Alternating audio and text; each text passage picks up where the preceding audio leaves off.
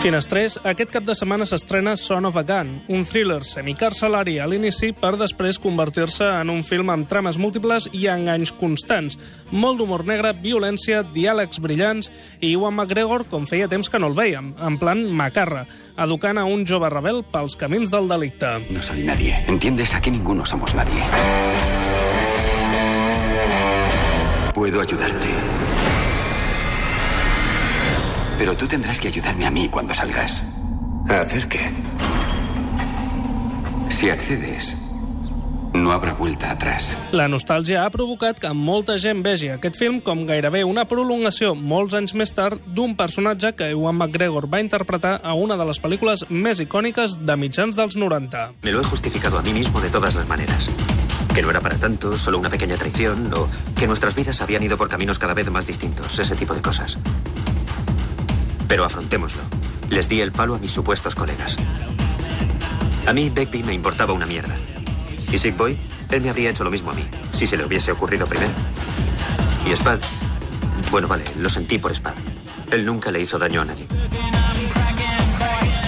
Si allà era l'alumne, ara s'ha convertit en el mestre. I vaja, que qualsevol excusa és bona per incloure Transpotting a... La dada de la finestra. La pel·lícula de Danny Boyle ocupa el lloc 156 de la famosa llista de l'IMDB que en parlàvem fa uns dies. La famosa escena al vàter més brut d'Escòcia es va rodar amb xocolata i sembla que feia molt bona olor, en realitat. Iwan McGregor era partidari d'injectar-se amb heroïna per entendre millor el seu personatge. Ho va descartar a l'últim segon. Curiosament, va deixar de beure alcohol per tal d'aconseguir el pes que un heroïnomen ha d'aconseguir. Per rodar les escenes en què s'injectava la droga, es va construir un braç artificial. L'actriu Kelly MacDonald tenia 19 anys quan va rodar Trainspotting, tot i que interpretava un personatge de 14. De fet, van haver de tallar uns segons de l'escena de sexe perquè els censors trobaven inapropiat que una nena de 14 anys gaudís tant de l'acte. Ewan Bremer, que feia de Spad, havia fet de Renton, el personatge d'Ewan McGregor, en una altra adaptació teatral de la novel·la. Hi havia un personatge de la cinta, Sick Boy, que estava obsessionat amb la figura de James Bond. L'interpretava Johnny Lee Miller, que a la vida real és el net de Bernard Lee, l'actor que va interpretar el personatge d'M a la saga Bond fins al 1979. En un moment de la cinta havia de sonar el tema de Missió Impossible, però justament en aquell moment Brian De Palma rodava la primera entrega de la saga cinematogràfica. Per aquest motiu, els drets d'aquesta banda sonora costaven tres vegades més que el pressupost sencer de la pel·lícula.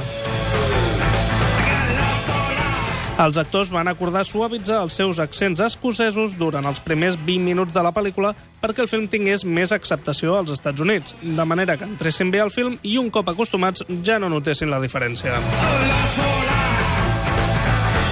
Curiosament, va ser un senador americà, Bob Dole, qui va despotricar durament de la pel·lícula dient que glorificava i feia apologia de les drogues. Després va reconèixer que en realitat no havia vist el film. El guionista del film, John Hodge, havia estat metge prèviament.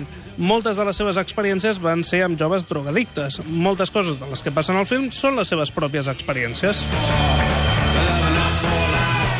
Els exteriors són a Edimburg, però els interiors són a Glasgow.